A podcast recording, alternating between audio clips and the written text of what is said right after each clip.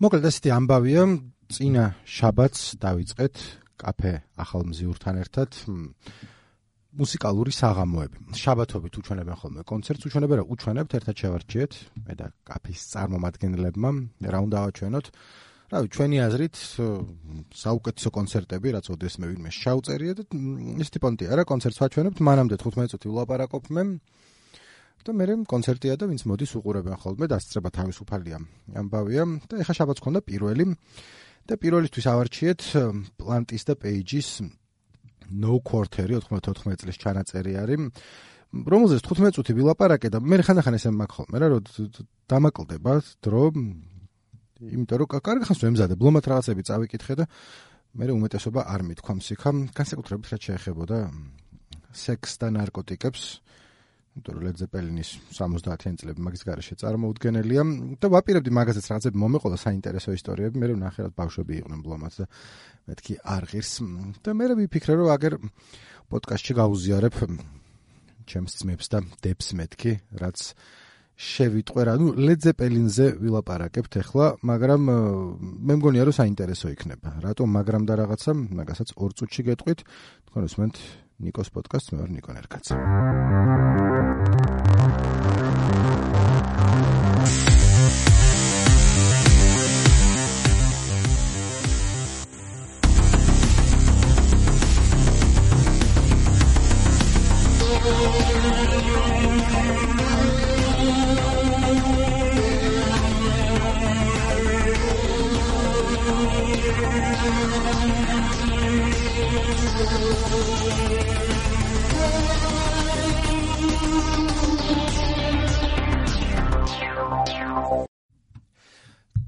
და გამიჭირდა ლედ ზეპელინთან დაკავშირებით იმის მოფიქრება, რაზე უნდა მელაპარაკა. პირველ რიგში, იმიტომ რომ ხა იმდენად კლასიკური ჯგუფი ან კლასიკური როკის განსხეულება არის ლედ ზეპელინი, მაგის იქით ახლა Deep Purple არა, ნუ აი ლედ ზეპელინი არის კლასიკური როკი.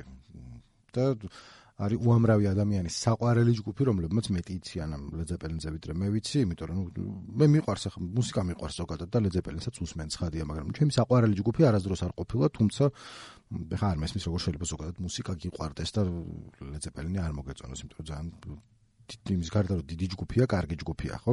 მაგრამ ეს კლასიკური როკის სტატუსი იმას შევახალ, რომ მე ამაზე რომ კითხულობ, სულ არის რომ დიდებული ლეძეპელინი, რომელიც მოვიდნენ და მას მე ესეთი მსგავსი არაფერი აღარ ყოფილა. 74 წელს მათ შეუერთდა ჯიმ ვიღაცა, ეგენ ცოტა კიდე ახალ მე რა.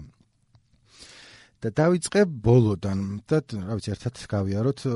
მოკლედ ეს კი რას მოგიყვებით? მომდენო ალბათ 40 წუთის განმავლობაში იმიტომ რომ ბლომად წავიკითხე რაღაცეები და ჩემი აზრით ძალიან საინტერესო იყო მე თვითონ ძალიან დამაინტერესა.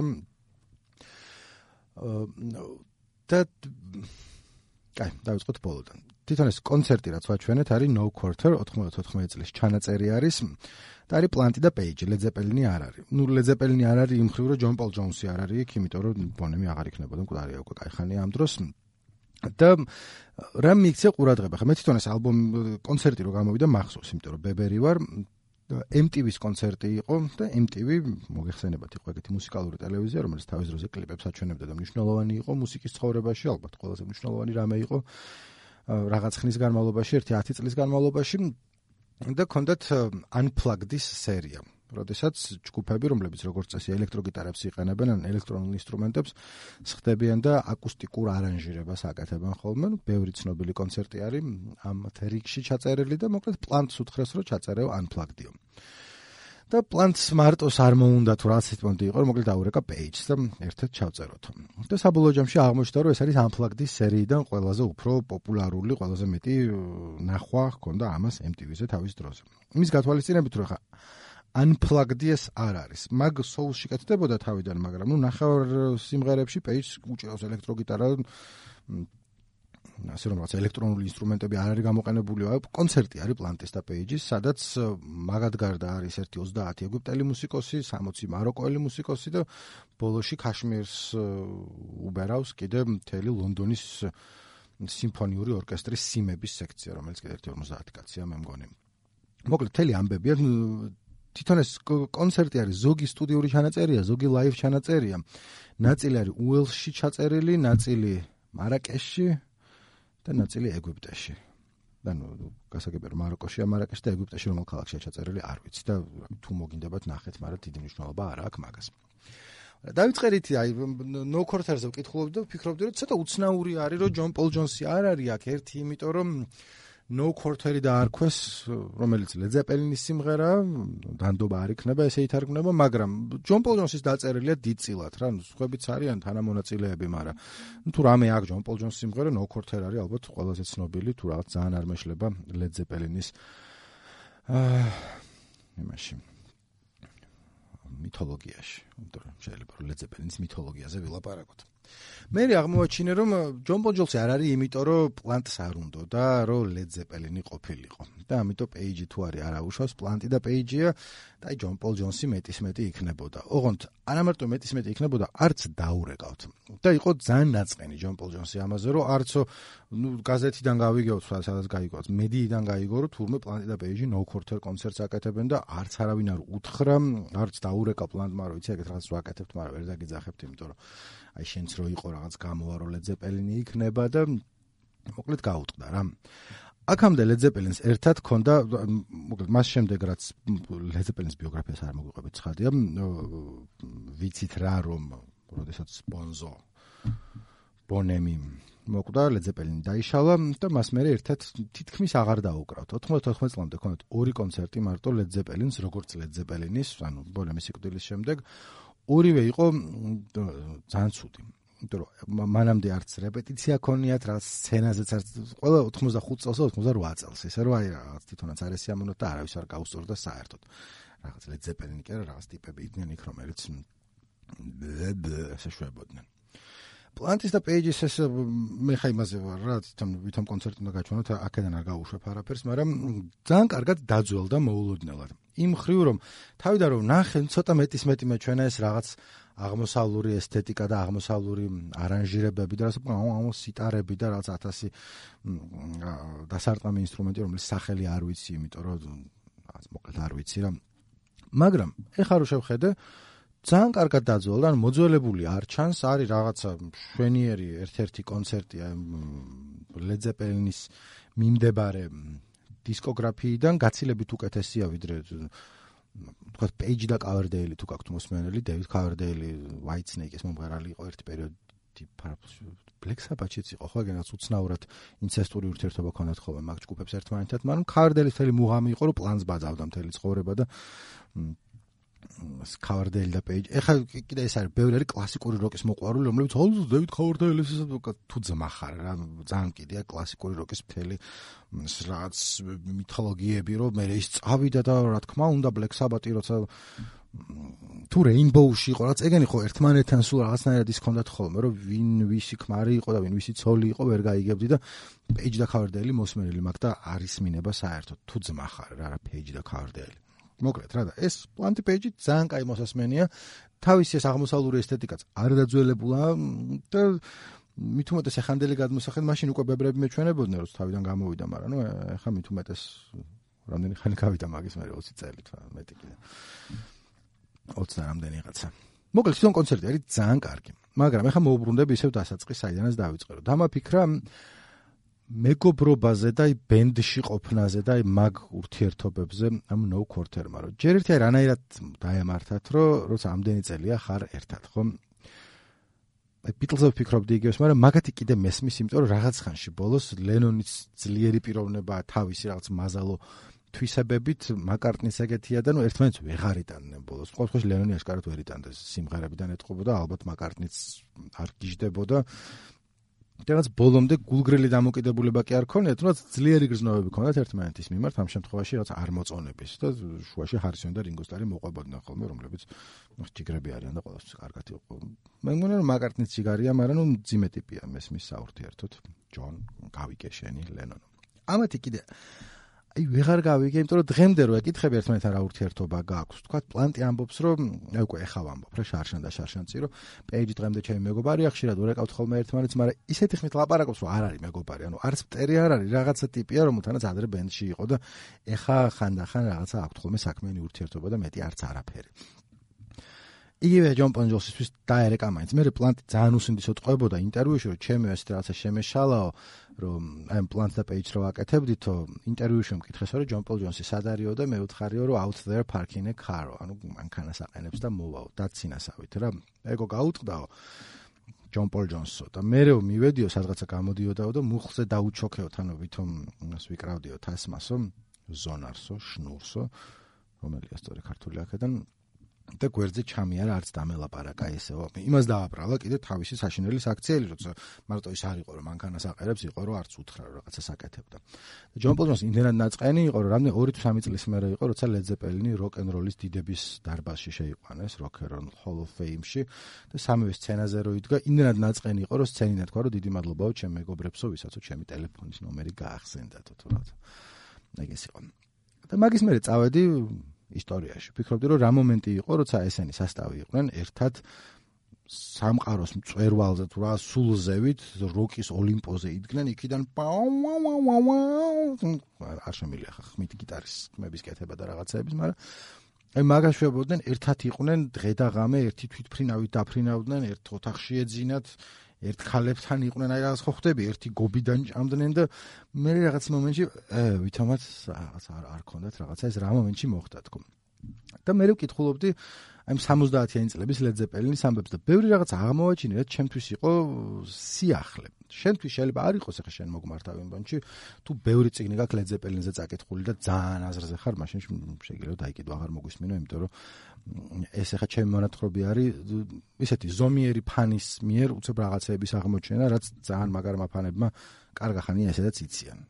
მაგრამ ნუ მგონია რომ რაც საინტერესო იქნება ამ კუთხითაც ერთი რაც აღმოჩენე მოკლედ რამდენიმე იმას ვკითხულობდი ლედზეპელინის ტურნეზე რა ხდებოდა ციგნი მაგ მარტო ერთი წაკითხული Hammer of Gods არის ძალიან ცნობილი ციგნი Zeppelin-ის ამბებზე, რომელიც სასვე არის ჭორებით. ანუ ზოგი რაღაცა მართლა მოხდა, მაგრამ აი მთელი ამბები რა ხდებოდა ტურნეზე Sex, Drugs and Rock and Roll, რომელიც Zeppelin იყო მაგის სათავეშიც რა, გარდა იმისა, რომ ყველაზე უფრო blues rock და ყველაზე უფრო რაღაცა კონცერტი არც ნარკოტიკები და არც სექსი რაღაცა არავის ენაკლები არ ქონდათ რბილად რომ ვთქვათ. ნუ სერიოზულად გასულები იყვნენ მაგ ხრივ. და მთელი ამბებეს გრუპისთან რაღაცა მაგრამ ეს Hammers of God ესეთია რა ბევრი რაღაცა არ არის მართალი რაც წერია არის ხალხი ვინც უშუალოდ იყვნენ ჟურნალისტები და ვისიც მიჯერა პირველი მაგათგან არის Cameron Crowe Cameron Crowe არის ცნობილი რეჟისორი ამერიკელი რომელსაც ბევრი კარგი ფილმი აქვს გადაღებული მათ შორის არის მე მგონი Jerry Maguire მაგისი გადაღებულია რაც გინახავთ და კიდე რაღაცეები მაგრამ ამ შემთხვევაში გვაქვს ლაპარაკი იმაზე almost famous ფილმზე. კი ბატონო. ჯერი მაკვაირი არის მაგისი გადაღებული ვანილის ზეცა, რომელიც ერთხელ უნდა ნახო, ტომ კრუზი რო თამაშობს, არ მინახავს და რაღაც უცნაური რეცენზიები აქვს, ზოგს ძალიან მოსწონს, ზოგს არა. ასე say anything 99 წელი, ოკაი ხანია ყოფილა. მაგრამ მოკლედ almost famous არის ტელევიზორში არის ხშირად ხოლმე გეცოდინებათ, ნახევრად ავტობიოგრაფიული ფილმია, იმიტომ რომ ახლა კი რეჟისორია კემერონ კრო, მაგრამ თავის დროზე იყო ჟურნალისტი, მუსიკაზე წერდა. და ნახევრად ავტობიოგრაფიული ფილმი, მოკლედ ფილმში რა ხდება, რა არის 17 წლის თუ რამდენი რაღაც პატარა ბიჭია, რომელსაც უნდა რომ წეროს Rolling Stone-ისთვის და შემდეგ დაუკვეთავს Rolling Stone-ი. წარმოსახვითი ჯგუფის, ანუ არსებობს ეს ჯგუფის Steel Water-ის შესახებ სტატიის დაწერას და Steel Water-ს დაყვება აქეთ იქით. რეალურად ახლა ვერ იტყვი რომ ზუსტად Zeppelin-ის ანალოგია Water-ი, მაგრამ ძალიან ბევრი რაღაც არის ფილმში ხდება მართლა Cameron Crowe-ს ცხოვრებაში იყო და ცხოვრებაში იყო მაგისაშიც რომ პირველი დიდი სტატია რაც დაუკვეთა Rolling Stone-მა იყო ჟურნალმა, არა ჯგუფმა, იმიტომ ერთი ესეთ არის ბოლოს და მეორე არ არის ესეთი. Rolling Stones-ია ჯგუფი ნუ იცით ისე ასე ჩემოდის, მაგრამ მაინც ხო. და უყვეთა თვითონ თქვა რა რომ მოკლედ დავწერო ქავარსო ყდაზე იქნებაო Led Zeppelin-იო და შეგინთო დიდ სტატიას ამაზეო. თვითონ ჟურნალში იყო ჭობა ამასთან დაკავშირებით, იმიტომ რომ ზუსტად არ მახსოვს რომელი წელიან რომელ ალბომს შეესაბამება, მე მგონი Led Zeppelin 3-ს ან 4-ს.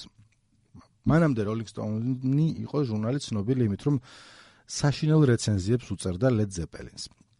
და ეს იყო ერთ-ერთი პირველი აღმოჩენა, ეგ ამბავი ვიცოდი ახლა რა რომ Rolling Stones სულ ცუდი ისინი ქონდა რეცენზიები Led Zeppelin-ის ალბომების, მაგრამ მე ნელ-ნელა აღმოჩინა რომ მარტო Rolling Stones არა. 70-იანი წლების პრესა, მუსიკალური პრესა რაც იყო, იყო სერიოზულად სასტიკი Led Zeppelin-ის მიმართ. აი ეს მაგრა აგინებდნენ რო ეს არის გლეხური მუსიკა გამოვიდნენ white trash-ის და რაღაც დაბალი დონის მუშათა კლასის ბჭყალებში ეს ყველაფერი ჩემი ის არ არის დამოკიდებულება მაგრამ რაც ყველაფერში იგრძნობოდა რომ ცუდი ჯგუფია ლედზეპელინი მაშინაც კი როცა ლედზეპელინი ეს სტადიონებს ავსებდა კი არა ნუ დაახლოებით მაგ დროს იყო როცა ჯგუფმა მოხსნა რეკორდი ყველაზე მეტი დამსწრე რომელიც მისულა ერთი ჯგუფის კონცერტზე 58000 კაცი იყო მისული მაგათ კონცერტზე და რითაც მოხსნეს მანამდე Rolling Stones-ის არა ჟურნალის არამედ ბენდის რეკორდი. და მოკლედ კამერონ კროუს ამბავი შედამთავრდა რომ მივიდა ჯგუფს დაელაპარაკა თავიდან ძალიან ორჭოფობდნენ იმათ არ უნდათ Rolling Stones-ისთვის ინტერვიუს მიცემა, მაგრამ ბიჭი მოეწონათ და საბოლოო ჯამში დათანხმდნენ ყდაზეც იყვნენ და კარგი სტატია გაბოვიდა და მოკლედ მე კამერონ კროუ იხსენებდა რაღაცებს მაგ დროის ამბებს რა და ერთ-ერთი რაც წავიკითხე, რაც მომეჩვენა, რომ იყო ძალიან პოეტური და მოკლედ თორე ასეთი ამბავი იყო, რომ რა თქმა უნდა, Led Zeppelin თავის დროზე ცნობილი იყო ყველაფრით, თუ ამ sex, drugs and rock and roll-ით, რომელიც ზოგი ჩემი თვალით მინახავსო და ზოგის ეფექტები მინახავს მეორე დღეს, ну პახმელიაზე თუ გასულები რომ გამოდიოდნენ და ეგ რა ტრუსიკები ყრია ყველგან და ეგ ამბავი. მაგრამ ყველაზე უფრო მნიშვნელოვანიო რაც ჩემი აზრითო მე მაერთიანებდა მათთანო იყო მუსიკის სიყვარულიო. იმიტომ რომ იმ რაღაცეებს რო თავი დავანებოთო სმას და ყნოსვას და ქალებს და ემებს საბოლოო ჯამში ხდებოდნენ და იყვნენ ტიპები, ვისაც ძალიან უყვარდათ მუსიკაო. მაგალითად ერთ-ერთი საყვარელი მაგათი ბობ მარლის უსმენდნენ თურმე სულ, რაც მე რომ დავფიქრდი მივხვდი რომ ხო რეგეის გავლენები არის Zeppelin-ის შემოქმედებაში, ეს Tire Maker და რაღაცეები, მაგრამ ნუ არ ვიცოდი, ჯონი მიჩელზე გიждდებოდა თუმე პლანტი, იმენა უყარდა შორიდან და Who-ს უსმენდნენ. Who სულ ვიცი სახელი არ მომისმენი არასდროს, ასე რომ მაგაზე ვერაფერს ვერ გეტყვით. და კამერონ კროუს ეწერა ესე რაღაცნაირად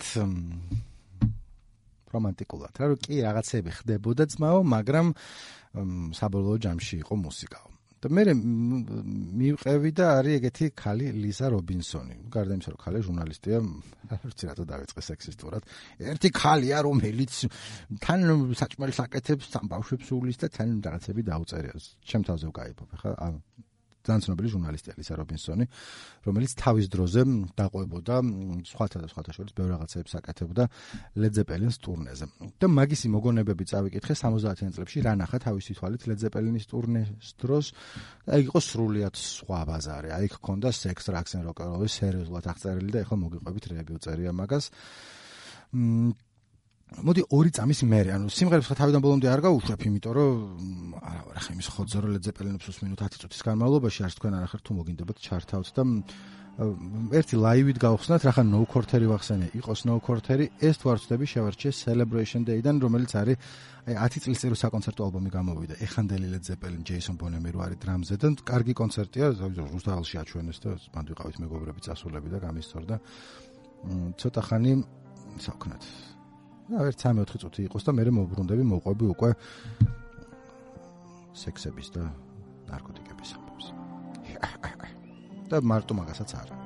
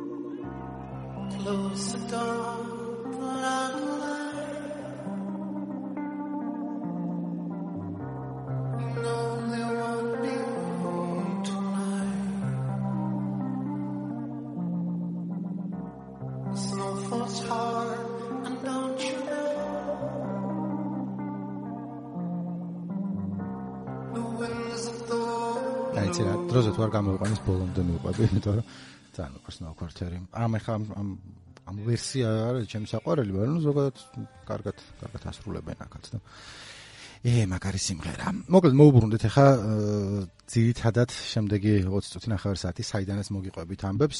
ლისა რობინსონი არის ძალიან ცნობილი ჟურნალისტი, ბევრი ძალიან კარგი გამოცემისთვის დაუწერია და თავის დროზე 73-დან 79 წლამდე დაყვებოდა ლეძებელინის ტურნეში. და იხსენებს, რომ ჯერ კიდე თავიდან როცა სხვა ჟურნალისტებს უთხარი, რომ ცაო ლეძეპელინს უკვე უნდა გაუყო ტურნეში, ყველა ამბობდა, რომ აი შესაძოდაო მაგათთან ერთად ფუ ხო ახლა ზეპელინი და აი რა.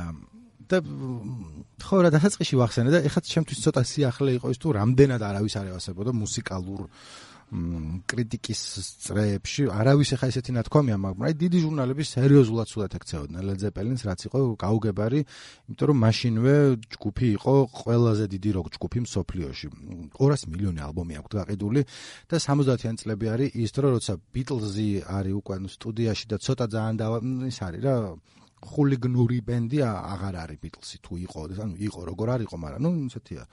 რაც სერიოზული ბენდია და Rolling Stones-ი როგორც თითოეულისას უწერია სიმღერებს წერდაო და Led Zeppelin-ის სხვა დონეზე იყვნენ გასულები. ეხლა კი არ ვადარებ Rolling Stones-ი უკეთესია თუ Led Zeppelin-ი რასისულელია, ხო? მაგრამ თუ რაღაც მომენტში შევადარებთ, აი ინსტრუმენტის ვირტუოზულად დაკვრას და რაღაცებს Led Zeppelin-ის ნაირი ჯგუფი არ ყოფილა არასდროს. ერთი ეგეთი ისა მაქვს, არ ვიცი რამდენად მართალია თუ არა, რომ 80-იან წლების ბოლოს ინგლისში რომელიღაცა რადიოსადგურმა გააკეთა ესეთი სუპერ ჯგუფის გამოკითხვა რა რომ ვინ იქნებოდა იდეალური ვოკალისტი, ვინ იქნებოდა იდეალური გიტარისტი, ვინ იქნებოდა ბასისტი და ვინ იქნებოდა დრამერი.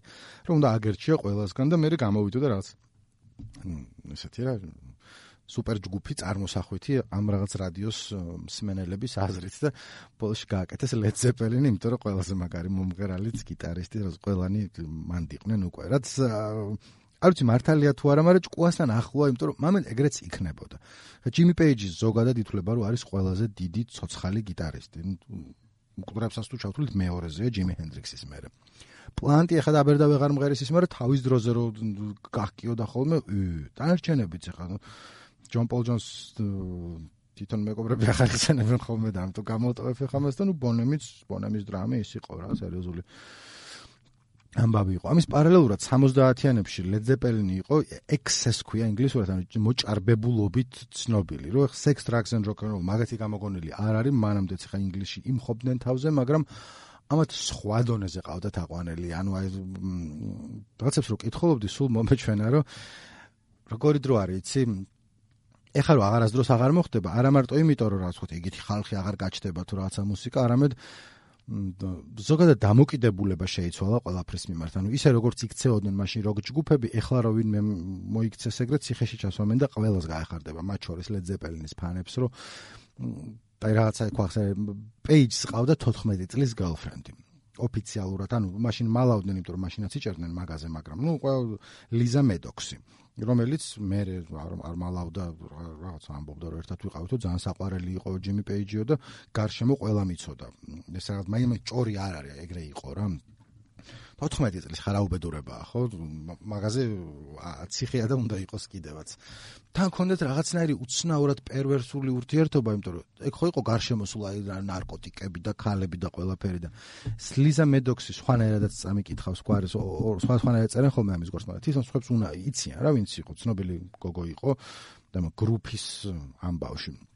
თვითონ ეს იხსენებს რომ არაფერი ნარკოტიკი ახლოსაც არ გაუყარებია ანუ რაც ზრუნავდა პეიჯი მაგაზე მას რომ თავი და კი არ ვაправებ, ანუ არამედ უფრო უცნაურად პერვერტული ურთიერთობა იყო, იმდენად რომ ერთხელ დაიჭირა ეს ლიზა რომ სიგარეტს ეწეოდა და დასვა და მთელი პაჩკა მოაწევინა ძალით. პაჩკა თქვი ვიცი შემიძლია კოლოფი მეთქვა და 100 წელი რა სალემის.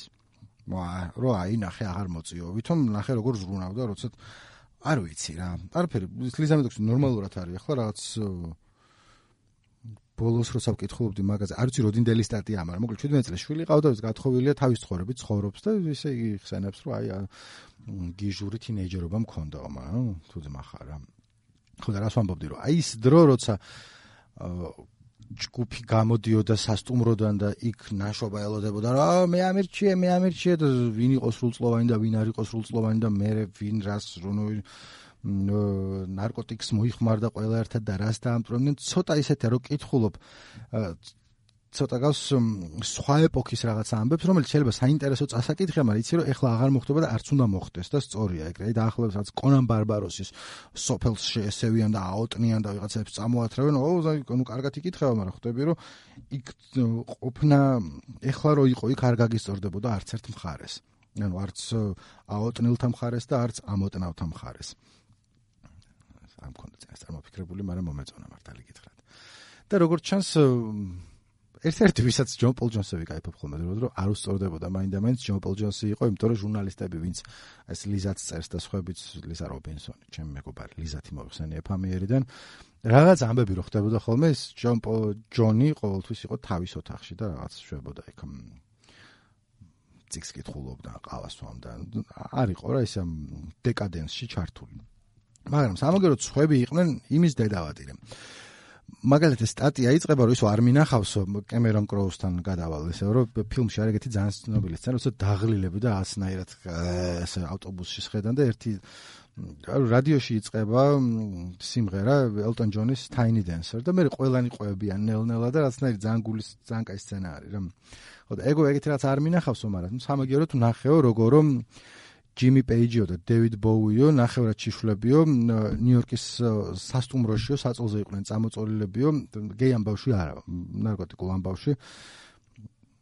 ბოუი და პეიჯი არიან ორივე იწონის ერთად ალბათ 40 კილოს ძალიან გამხდრები იყვნენ იმიტომ რომ დიეტა ქონდათ ეგეთი საჭმელს არ ჭამდნენ სვამდნენ და კოკაინს ხმოსავდნენ როგორც ჩანს იმიტომ რომ ჩართული ქონდა თქო ბნელ ოთახშიო ფილმიო Lucifer Rising, რომელიც არის 15 წუთიანი ფილმი Kenneth Anger-ის. თუ იცით რა არის, ყოჩახ თქვენ მაგის ნახვა დამეზარა და მოგლა 15 წუთიანი ფილმია, რომელიც პეიჯს ავასებოდა.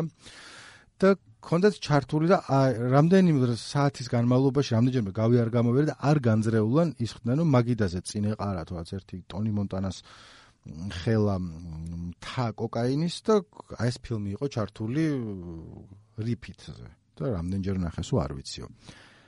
ეხლა საწყები ზოგი არის პარაფრაზი ცხადე ტონი მონტანა არ წერია. იქ მაგრამ რასაც გიყვებით ყველაფერს ისე უყვები როგორც წერია. გარდა აქა იქ ჩქურთმები შეიძლება დავუმატო მაგრამ აზრობრივად არაფერს არ წვლი ხოლმე რო იცოდეთ რა. ამ და ისა როლინგ სტოუნს მოუბრუნდები კიდე. ამ თქვათ ეხა ისე არ მინდა რომ ჩამოუყვერას ვენთი ფერში თუ გაინტერესებთ წაიკითხეთ ლისამ რობინსონის სტატია, რომელსაც ქვია Stairway to Access, მოჭარბებულობისკენ კიბე, Stairway to Heaven-ის მის გადათამაშება არის ხადია. და თავიდან როცა მივედიო ბენთან, ანუ ეს ის თუ თავიდან ლეძეპელინი არ იძლეოდა ინტერვიუებს, ერთი იმიტომ რომ მისტიკურობა შეენარჩუნებინათ და მეორე იმიტომ რომ როგორც ვახსენე პრესა ძალიან სულად ექცეოდა და არც უნდათ ჟურნალისტებთან ლაპარაკი. მე ნელ-ნელა გაეხსნათ ჩემო კარგო, მაგრამ ბოლომდე რაღაცა ესე იყვნენ რა დაძაბულები იმათთან. და თვითონ ეს ლიზა იხსენებს რომ პირველად რო შევხვდე ველაპარაკო, კარგად განეწყნენო და მე საღამოსო ვიღაც მენეჯერი თვითონ მომიგზავნესო და მკითხესო რომ აპირებსო ეს ოთახში იყოს ჩაკეტილი და დაგვემალოსო თუ გამოჩდებაო და ნუ გამოჩდიო ჩავედიო ქვევით საბილიარდო იყო სადაცო პეიჯი და პლანტი იყვნენო პლანცეცო წითელი ბიკინიო რომელიც უცებ წარმოვიდგენე როგორ აი თან იმდროინდელი ფოტოები ხო ახლა ნახე უმეტესობა შავთეთრია მაგრამ როგორ დადის ქერათმებით და წითელი ბიკინით რომელიც მე რამდენჯერმე ჩანს კიდე მოკლედ მაგით დადიოდა ხოლმე და ეჭვ არ მეპარება რომ ეგრე იქნებოდა და არაფერი მე სასტაობდნენ ერთად რას დამეგობრდნენ კიდევაც და ხშირად ისინი გულს უშლიდნენ ხოლმე, გადაუშლიდნენ ხოლმე თავის ამბებს. თქვა პეიჯი ხა იმას უბრუნდები, ისე მედიასთან დამოკიდებულებას რა. ნუ თქვა ერთ-ერთი კონცერტს მე პეიჯი ამ ლიზას შეშჩიოდა, რომ იცი რა არის კონსტრუქციული კრიტიკა, არ ვიციო რა არის, მაგრამ ავიტანდიო, მაგრამ როცა ეს გულანძღავენ და გვაგინებენო, ძალიან მიწყებაო, არ არისო სწორი არანაირადო. და ყველაზე უფრო გულის მომკვლელი რაც იყო, აი უკვე ბოლოსკენ არის ლედზეპელინის არსებობის, რომ ბონემმა მითხრა, სადაც გამოიწოდა, რაც ჩარტი იყო ჟურნალს ქონდა გაკეთებული ყველა დროის საუკეთესო დრამერები, თუ იმ დროის საუკეთესო დრამერები. და ბონემი იყო მეორეზე. და პირველზე იყო ჯგუფი Carpenters-ი თუ იცით ორი ხალი რო დები არიან მე მგონი ერთ-ერთი დრამზე უკრავდა აქედან და ის იყო პირველზე. ბონემი იყო გაწოფებული მაგაზე რომ როგორ უკაცო ჯერ 15 წუთი რო დასვაო Zeppelin-ის კონცერტზე ვერ გაძლებენო რა სისულელეაო და თან მოკლედ ძალიან გულში ქონდა ჩარჩენილი. იმდენად რაც რამდენიმე დღის მერე ძალიან თვალიო გამოვიდაო ბონემს მოგეხსენება ძმა უყარდა ესე მეუბნებაო რომ ჩემი ცოლი ეცი რა кай ხალიაო ჩვენ 16 წლის ვიყავით ერთმანეთი რომ გავიცანითო 17-ისო დავქორწინდითო მეო სულ აქო ტურნეში ვარო დავდივარო და როცა ბრუნდებიო სახში ან ჩაი მოაქო სულ ჩემთვის ან სენდვიჩი ან ნამცხვარი ვარ რაღაცა სულ ცლობს რომ გადამყვესო და ეხლა რომ წაიკითხავსო ის კარპენტერი არის პირველზე და მე არა ვარო როგორ ტეხავსო როგორ ეწყინებაო იმას და როგორც მალევე იყო რამდენიმე კვირის მერე იყო მეგონი რომ მოკვდა ბონემი რომელიც იცი თქვენ როგორც მოხდა დალია ძალიან ბევრი და ვერ გაიღვიძა როცა გული აერია და მოკვდა მაგითი და შემდეგ როცა გასინჯეს თუ რა ქვია გაკვეთეს ხელში ქონდა 40 შოთის ანუ 40 ჩარტმა არყის ეკვივალენტი ძალიან ბევრს სვამდა რა და მაგ დროს როგორც აი სხვა სხვა რამდენიმე ჟურნალისტის ინდოინელი ჩანაწერებიდან შევეწყე უკვე მაგრა არეული ქონდა თვითარება. ანუ ბონემის სიკვდილი საბოლოო წერტილი იყო მაგრამ ერთმანეთზე ისე ვეღარ кайფობდნენ ეს პლანეტა პეიჯი შპილაობდნენ ხოლმე თან რაღაც უაზრად რა. აი სიტყვაზე stairway to heaven არის ყველაზე ცნობილი ლედზეპელინის სიმღერა გეცოდინებათ. რაღაცე დავიწყე რომ მე რა მომიწია რომ გამაგრძელებინა და პეიჯს უყარს ეგ ან პეიჯი დღემდე თulis რომ ერთ-ერთი ყველაზე მაგარი რაღაც არის დაუწერია პლანტი ვერიტან და თავიდანვე ანუ ყოველ დღე რო ეს გამოვიდა და დაუკრავ აი არ გეზარება და სულ წუწუნებდა რომ wedding music არისო ქორწილის მუსიკა უნდა აგდებით იხსენიებდა რა ქორწილის რაღაცებს რო უკრავენ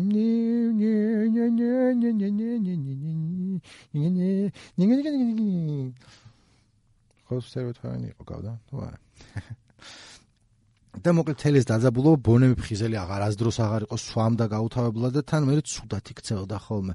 თქვა ერთი სხვა ჟურნალისტი იყო კიდე ამ ტურნეზე და ღამის 3 საათზე მომდებოდა ხოლმე ლაპარაკი ბონებს და კარებზე უჯახუნებდა. იმდენად რომ ჯონ პოლ ჯონსმა ურჩენა ჟურნალისტს რომ სახელი არ მახსოვს რომ ორი ოთახი უნდა გქონდესო ერთიოსაც ბონემს ესოდინება რომ ხარო და მეორეოსაც სინამდვილეში იქნებიო რომ დაიძინოთო რა გვარ დაგაძინებსო ყოველ ხამე ასევე ჩემთვის ახლა იყო რომ ეს მოკლედ მუსიკალური კრიტიკა ხო ხდებოდათ გულზე იმის და მიუხედავად რომ აი რამხელა კონცერტები ქონდათ და რაც სულ ყოველას ძალიან უყვარდა ასევე ძალიან შურდათ Rolling Stones-ის ბენდის კიდევ ერთხელ და არა ჟურნალის და გამოცემის. ძალიან შურდათ არა რაღაცის არამედ თქვათ ის რომ ამ დროს Led Zeppelin იყო ყველაზე დიდი როკ ჯგუფი მეც ყიდნენ ვიდრე Rolling Stones-ი კონცერტზე მეტი ადამიანი მოდიოდა მაგრამ პრესა უფრო მეც წერდა ჯაგერზე და სასტავზე და მაგის გამო გადაწყვიტეს რომ პრესაგენტი ცალკე აიყვანათ. და მე რაღაცნაირად იქცეოდნენ რომ ბარში როცა მიდიოდნენ ხომ რაღაც ან კლუბში ეს პრესაგენტი მიდიოდა წინასწარ ხალხზე უბნებოდა რომ ხლა ზეპელინის მოვაქო რა ამბავი იქნება და მაგიდას იღებდნენ სპეციალურად ცხობის დასანახად რომ მე გააბაზრებინათ და იქ დონ პერინიონები შამპანურები იდო ხოლმე და რომ შევიდოდნენ ლედ ზეპელინის ნაშობა უნდა ყოფილიყო უკვე დამწყრივებული რომ მე ამირჩიე მე ამირჩიე მე წამიყვანე ჯიმი და რაც მაგიცლობდნენ რომ კომპენსაცია მოეხდინათ. მიუხედავად იმისა, რომ ურთიერთობა ძმაკაცები არ იყვნენ Rolling Stones-თან, მაგრამ კარგი ურთიერთობა ჰქონდათ, ჩითავდნენ ხოლმე ერთად და რაცებს მეგობრობდნენ. უცნაურია რა. კაი, იმას ვიზამ, ორი წამი კიდე რამეს გაუშვებ, რომ ძალიან არ დავიღალო ლაპარაკით. თორე აი, დავიყლები ძალიან ლაპარაკით. პრეზენსი ითვლება, რომ ერთ-ერთი ყველაზე სუსტი ალბომია Led Zeppelin-ს. არ ვიცი, სწორ დროს მოვისმინე თუ პირიქით არასწორად, მე ძალიან მიყვარს ძირითადად ორი სიმღერა მიყვარს ახლა ცხადია როგორც ყველას ეს nobody's fault but mine და achilles last stand და t for one-ს კარგია. ცოტა ხანი ერთი წუთი ნახევარი ის მივცეთ და მე გავაგზავნე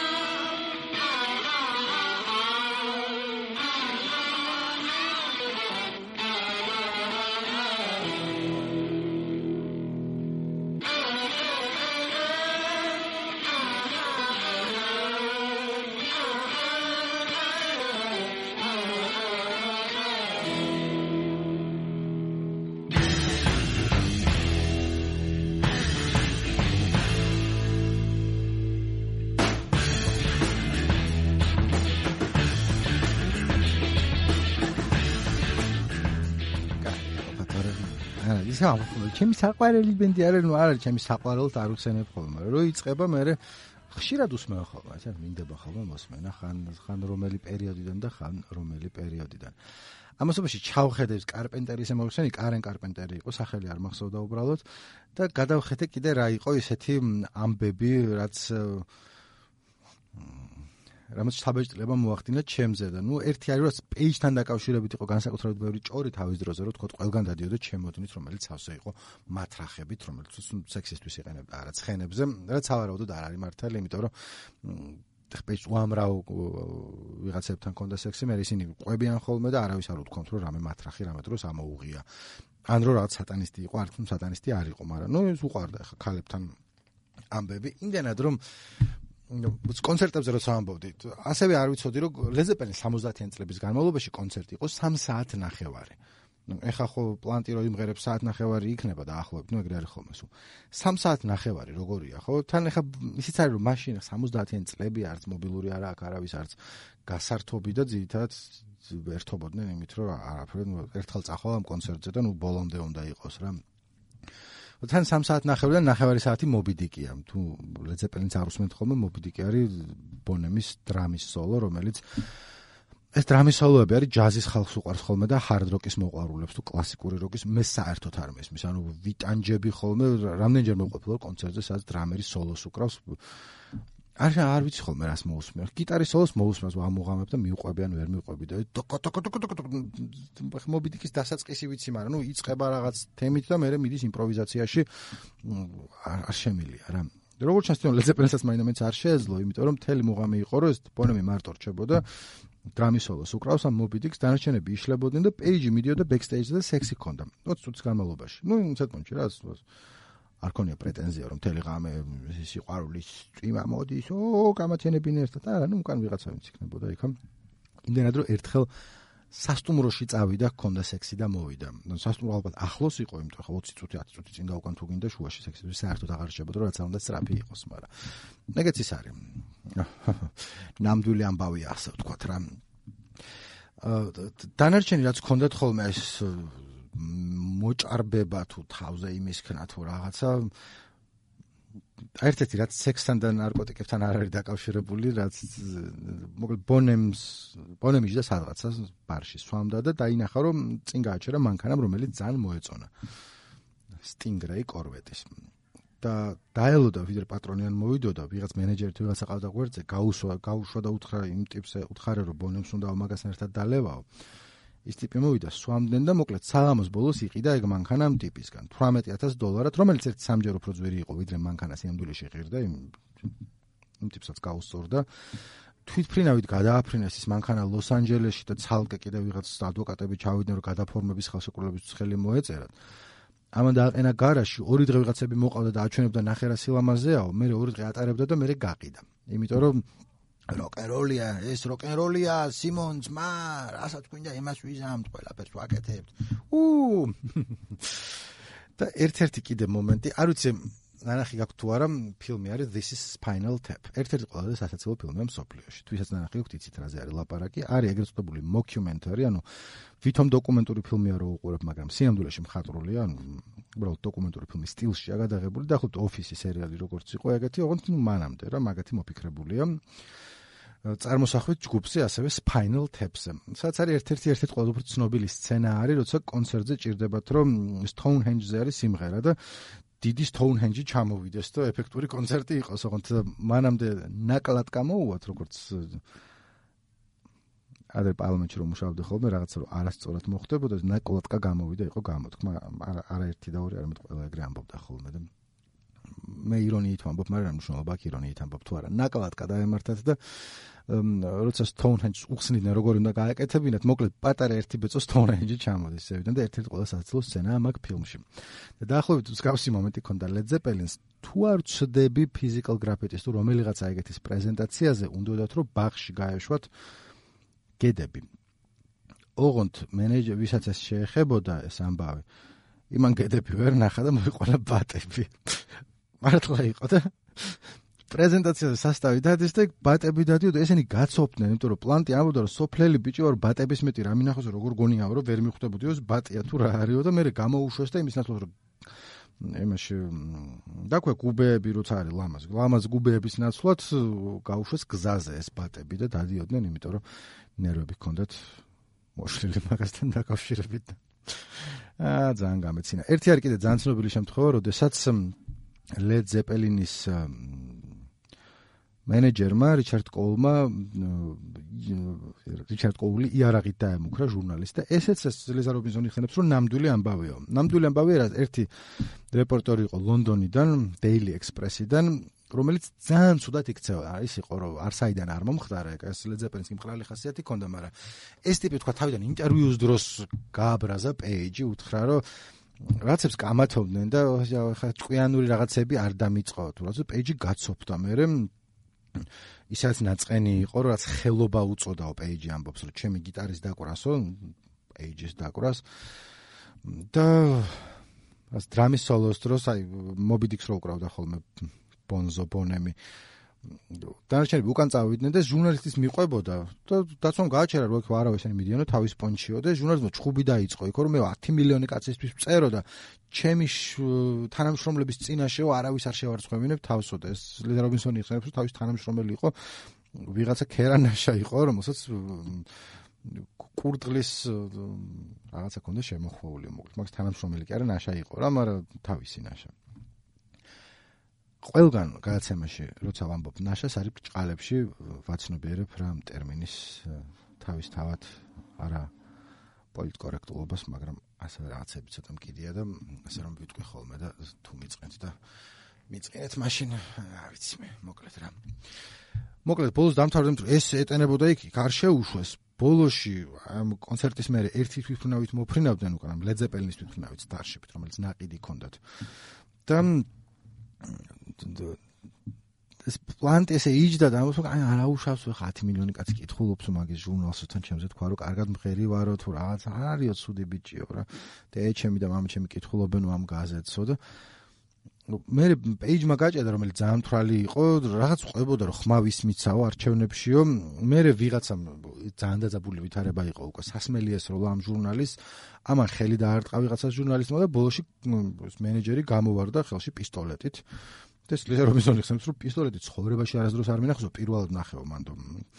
ჰაერში ვართო. და ეხლა ვიფიქრე ვიღაცა რომ გაისროლოს რა სად ყვდებიო რა ხდებაო ჩემს გარშემო და ბოლოში დაცვა მოვიდა და ამას გვერდზე დაუდგნენ მენეჯერს და ბოლოს ბონემა იყარა თავისი სხვაგან იყო იქიდან რომ დაძინებას ვთილობთ და დამაძინეთო და დაწყნარდნენ მე. ეს თვითფრინავი მაგარი რაღაცა იყო თავისთავად შიგნით ხალიჩები და რაღაც სერიოზულად გოიმობა იყო რა რომ შეხედავდი. ის კონდა ბუხარი კონდა თვითფრინავში. ბუხარი არ მუშაობდა ცხადია მაგრამ ნუ ფოტოებზეც ჩანს რომ ბუხარია ასე ხარ. აა ეგეთი ამბებია აი მოკლედ ამების მოყოლა მინდოდა მ და შენ ალბათ რაღაცები გამოვჭე ხან ხან უნდა მოყვა ლეცეპელინზე მ ბოლოსკენ ვიტყვი რომ მოკლედ ყოველ შაბათს მზიურში საიდანაც დავიწყე რომ მზიური თუ არ იცით ვაკეში არის ეგეთი პარკი მზიური რომელიც თავის დროზე მე მგონი ნოდარ დუმბაძე ამბობდა რომ გავაკეთოთ დისნეილენდის პონჩიო და მთლათ ეგრე არ გამოვიდა მაგრამ რაღაცა გაგანია ვაკეში არის გამწვანებული სივრცე, სადაც არის კაფე ახალი მზიური, ნორმალური საჭმელი სასმელი მისაღებ ფასებად, მაგრამ ჩვენ ამჯერად რაც გვაინტერესებს, შაბათობით ვარ ხოლმე მე, რაც კონცერტებს ვაჩვენებ, ლაპარაკობთ, მე მგონი ერთობა ხალხი. ხა თავიდან პირველი ჯერის წინ არ დავიწყებდი, რომ არ ვიცოდი რა პონტი იყო და კი ვიცოდი რომ кай იქნებოდა, მაგრამ ნუ რაც არ ვიცი, არ იმაშვები ხოლმე არ გავხებ თავზე. ვინც იყო გაუსწორდა ყველას. ეხა შაბათს ვაჩვენებთ Talking Heads-ის Stop Making Sense, იმიტომ რომ ჩემს ერთ ყველაზე მაგარი ალბომი ყველა დროისა და ხალხის. საკონცერტო, საკონცერტო ფილმი, უბრალოდ. იმის და მიუხედავად რას უსმენ, რა მოგწონს, რა არ მოგწონს, მაგის იქით. მე თუ მკითხავ, არაფერი არ არის. და თუ მოხალთ გამეხარდება, თუ არა და არ მეწყინება. ეს მოვიფიქრე რამდენიმე დღის წინ ეს ფრაზა და ეხლა ვიმეორებ. იმიტომ რომ და ძალიანაც არ მინდა რომ თავი დავალებულად იქნოს, ნიკოს არ ვაწყევთ. არა. მოხალთ გამეხარდება, არა და თქვენ საქმე თქვენს.